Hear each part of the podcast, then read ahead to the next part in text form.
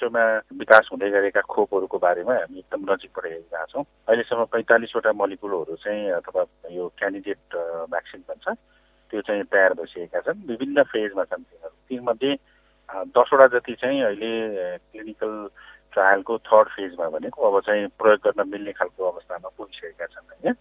अब यो third फेजको trial सकिने बित्तिकै त्यसको रिजल्टको आधारमा विश्व स्वास्थ्य सङ्गठन अथवा सम्बन्धित देशको अधिकारीहरूले चाहिँ त्यसलाई लगाउनको लागि चाहिँ जब अनुमति प्राप्त हुन्छ त्यसपछि उनीहरू बजारमा आउने त्यो भ्याक्सिनहरू बजारमा आउने हो। यो परिस्थितिलाई हामीले नजिकबाट हेरेर विभिन्न देश र कम्पनीजहरूले चाहिँ उत्पादन गर्दै गरेका भ्याक्सिनहरूको सहज उपलब्धता होस् भनेर हामीले आन्तरिक तयारी गरेका छौँ। र त्यो आन्तरिक तयारीमध्ये चाहिँ एउटा कुरा चाहिँ खोप किन्नको लागि हामीसँग चाहिँ खोप कोषको आवश्यकता हुन्छ। पैसाको आवश्यकता हुन्छ त्यस कारणले गर्दा हामीले रिसोर्स जुटाउने काममा हामी लागेका छौँ। र अहिलेसम्म हामीले चाहिँ सामान्यतया दसदेखि बाह्र अरब जति भयो भने एक फेजको खोपको लागि हामीसँग चाहिँ स्रोत पुग्छ भन्ने हिसाबले त्यो स्रोतको सुनिश्चितताको लागि हामीले काम गरिरहेका छौँ। अनि त्यसपछि सँगसँगै अब विभिन्न दात्री निकायहरू देशहरूसँग पनि हामीले चाहिँ आह्वानहरू गरेका छौँ रिक्वेस्टहरू गरेका छौँ। र यो कोभ्याक्स फेसिलिटी भन्ने चाहिँ एउटा विश्व स्वास्थ्य सङ्गठन वर्ल्ड ब्याङ्क लगायतको चाहिँ संयुक्त एउटा चाहिँ प्रयास छ। त्यसमा चाहिँ हामी जस्तो चाहिँ एकदमै यो अल्प विकसित मुलुकहरू अथवा विकासशील मुलुकहरूको लागि भनेर भ्याक्सिनको चाहिँ उपलब्धता निश्चित गर्नको लागि उहाँहरूले पनि फन्ड रिसोर्स जेनेरेट गर्ने प्लस चाहिँ भ्याक्सिनको सुनिश्चितता गर्ने गरी चाहिँ कोभ्याक्स फेसिलिटी भन्ने एउटा चाहिँ यो मुभमेन्ट जस्तो छ। र त्यसले चाहिँ हामीलाई कम्तीमा पनि हाम्रो आवश्यकताको बिस प्रतिशत जति चाहिँ कोभ्याक्स फेसिलिटीबाट हामीसँग चाहिँ भ्याक्सिन आपूर्ति हुन्छ भन्ने हाम्रो अहिलेको एक्सपेक्टेसन छ र हामीले चाहिँ सरकारी तहबाट उच्च स्तरको समिति बनेको छ। तिनवटा मन्त्रालयका सचिवहरू स्वास्थ्य सचिव अर्थ सचिव र चाहिँ परराष्ट्र सचिवको बिचमा चाहिँ एउटा समिति बनेर यो खोपको लागि चाहिने सबै चिजहरू खोपको चाहिँ आपूर्तिदेखि लिएर भण्डारणदेखि लिएर त्यसको चाहिँ वितरणदेखि लिएर प्रयोगको सबै कुराहरूको चाहिँ चाँचो पाँचो मिलाउनको लागि चाहिँ नेपाल सरकारले एउटा उच्च स्तरीय चाहिँ समिति पनि बनाएको छ। जुन खोपहरू तयार हुन लागेको छ ती खोपहरू भण्डारणको लागि नेपालसँग छैन त्यस्तो खालको व्यवस्था भन्ने खालको खबरहरू पनि बाहिर आइराखेको छ। यो विषय चाहिँ के हो? भने अब केही केही भ्याक्सिनहरू चाहिँ मैले भने नि यस्तै पैँतालिसवटा चाहिँ क्यान्डिडेट भ्याक्सिनहरूमा केही भ्याक्सिनहरू चाहिँ एकदमै माइनस सेभेन्टीमा माइनस सिक्सटीमा राख्नुपर्ने खालका भ्याक्सिनहरू पनि छन्। अब यदि त्यस्तो भ्याक्सिनहरू चाहिँ हामीले नेपालमा ल्याउनु पर्ने स्थिति बन्यो भने चाहिँ त्यसको लागि हामीसँग चाहिँ अहिले पूर्वाधारहरू छैन।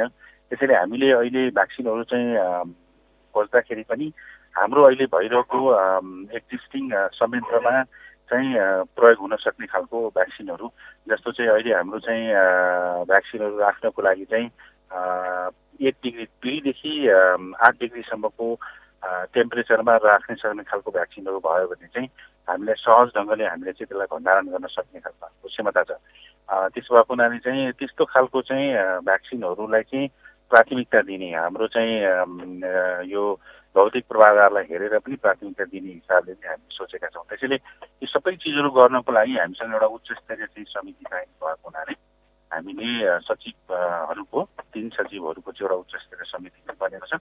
र नेपाल सरकारले अथवा मन्त्री परिषदले चाहिँ यसलाई चाहिँ स्वीकृति पनि दिइसकेको अवस्था छ यसमा डक्टर साहबलाई जस्तो मैले जोड्न खोजेको कतिपय देशहरू रुस चीन अमेरिका बेलायत लगायतका देशहरूले चाहिँ बनाएका खोपहरू अन्तिम चरणमा पुग्यो भन्ने खालको खबरहरू आइरहँदा यहाँहरूले ती देशहरूसँग प्रत्यक्ष पनि छलफल गर्न पाउनु भएको छ कि यहाँले सुरुमा भन्नुभयो जस्तो ती अध्ययनहरू गर्ने र खोपहरू कसरी विकसित भइरहेछ भनेर नजिकबाट हेर्ने काम मात्रै भएको छ अहिले। अब त्यो यस्तो छ हामीले कुटनीतिक हिसाबले चाहिँ सबै देशहरूसँग कम्पनीहरूसँग हामीले पहल गरिरहेछौँ र देशका चाहिँ हामीहरू यहाँका राजदूतहरू एम्बेसी एम्बेसी र चाहिँ हाम्रो एमएससीहरू जुन देशमा चाहिँ कपहरू उत्पादन भइरहेछन् त्यो देशका चाहिँ देशमा रहेका हाम्रा एमएससीहरू मार्फत पनि हामीले चाहिँ सरकारको स्तरमा पनि गभर्मेन्ट टु गभर्मेन्ट स्तरमा पनि हाम्रो छलफलहरू भइ नै रहेछ भर्खरै पनि हाम्रो परराष्ट्र सचिवले चाहिँ चिनको राजदूतसँग कुराकानीहरू गर्नुभएको छ।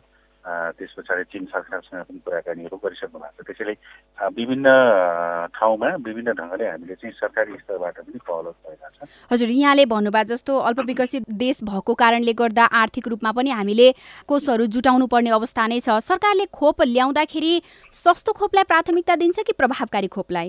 होइन हामीले त के छ भने विश्व स्वास्थ्य सङ्गठनले प्रि क्वालिफाइड भएको खोपलाई मात्रै हामीले चाहिँ ध्यान दिने हो।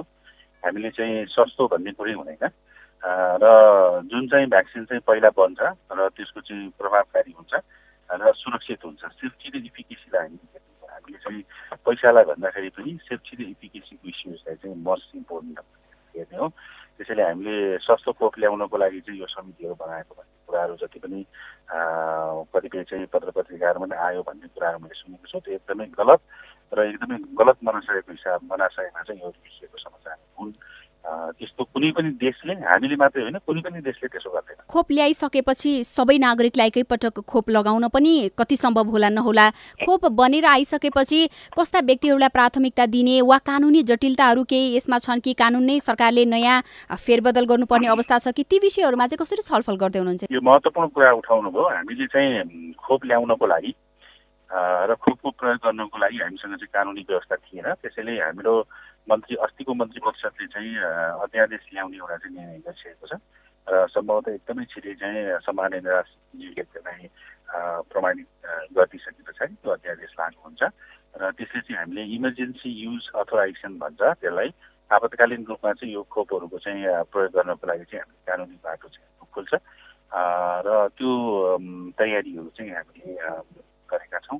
र अर्को चाहिँ तपाईँले भनेको अब कसलाई प्रयोग गर्ने पहिला भन्ने कुराहरूमा चाहिँ हाम्रो उपलब्धताको आधारमा हामीले प्रायोरिटी चाहिँ सेट गर्ने कामहरू हामीले गरेका छौँ। त्यसमा हाम्रो यो अहिले चाहिँ यो अग्रभागमा खटिएका स्वास्थ्य कर्मीहरू सुरक्षाकर्मीहरू र एकदमै रिक्स ग्रुपहरू भल्नरेबल ग्रुपहरू नि हामीले ज्येष्ठ नागरिकहरू र विभिन्न खालको चाहिँ रोगहरू भएका कोमर्बिडिटी भन्छौँ हामीले कोमर्बिडिटी भएका व्यक्तिहरू चाहिँ पहिलो पहिलो चाहिँ पङ्क्तिमा अथवा पहिलो टार्गेटमा चाहिँ हामी यसलाई खोप दिनुपर्छ भन्ने खालको कुराहरू भएको छ।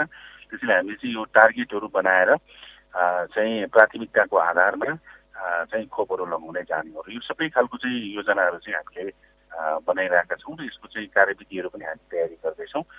त्यसो भएर यो चाहिँ हामीले एक खालको हिसाबमा विश्वको यो खोपको उपलब्धता पनि एउटा चाहिँ ठुलो चुनौतीको रूपमा छ किनभने सबै देशहरूलाई एकैचोटि चाहिएको छ र एकदमै ठुलो सङ्ख्यामा चाहिँ खोपहरू चाहिँ उत्पादन गर्नुपर्ने हुन्छ कम्पनीजहरूले होइन?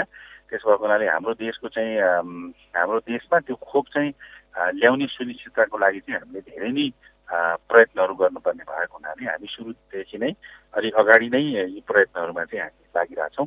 र हाम्रो चाहिँ अहिलेसम्मको विश्वास के छ भने हामी संसारमा खोप निस्किने बित्तिकै अरू नागरिकहरूले जस्तै हाम्रो नेपाली नागरिकहरूले पनि सोही समयमा खोप लाउने खालको परिस्थिति हामी सिर्जना गर्छौँ भन्ने हिसाबमा हामी लागिरहेछौँ।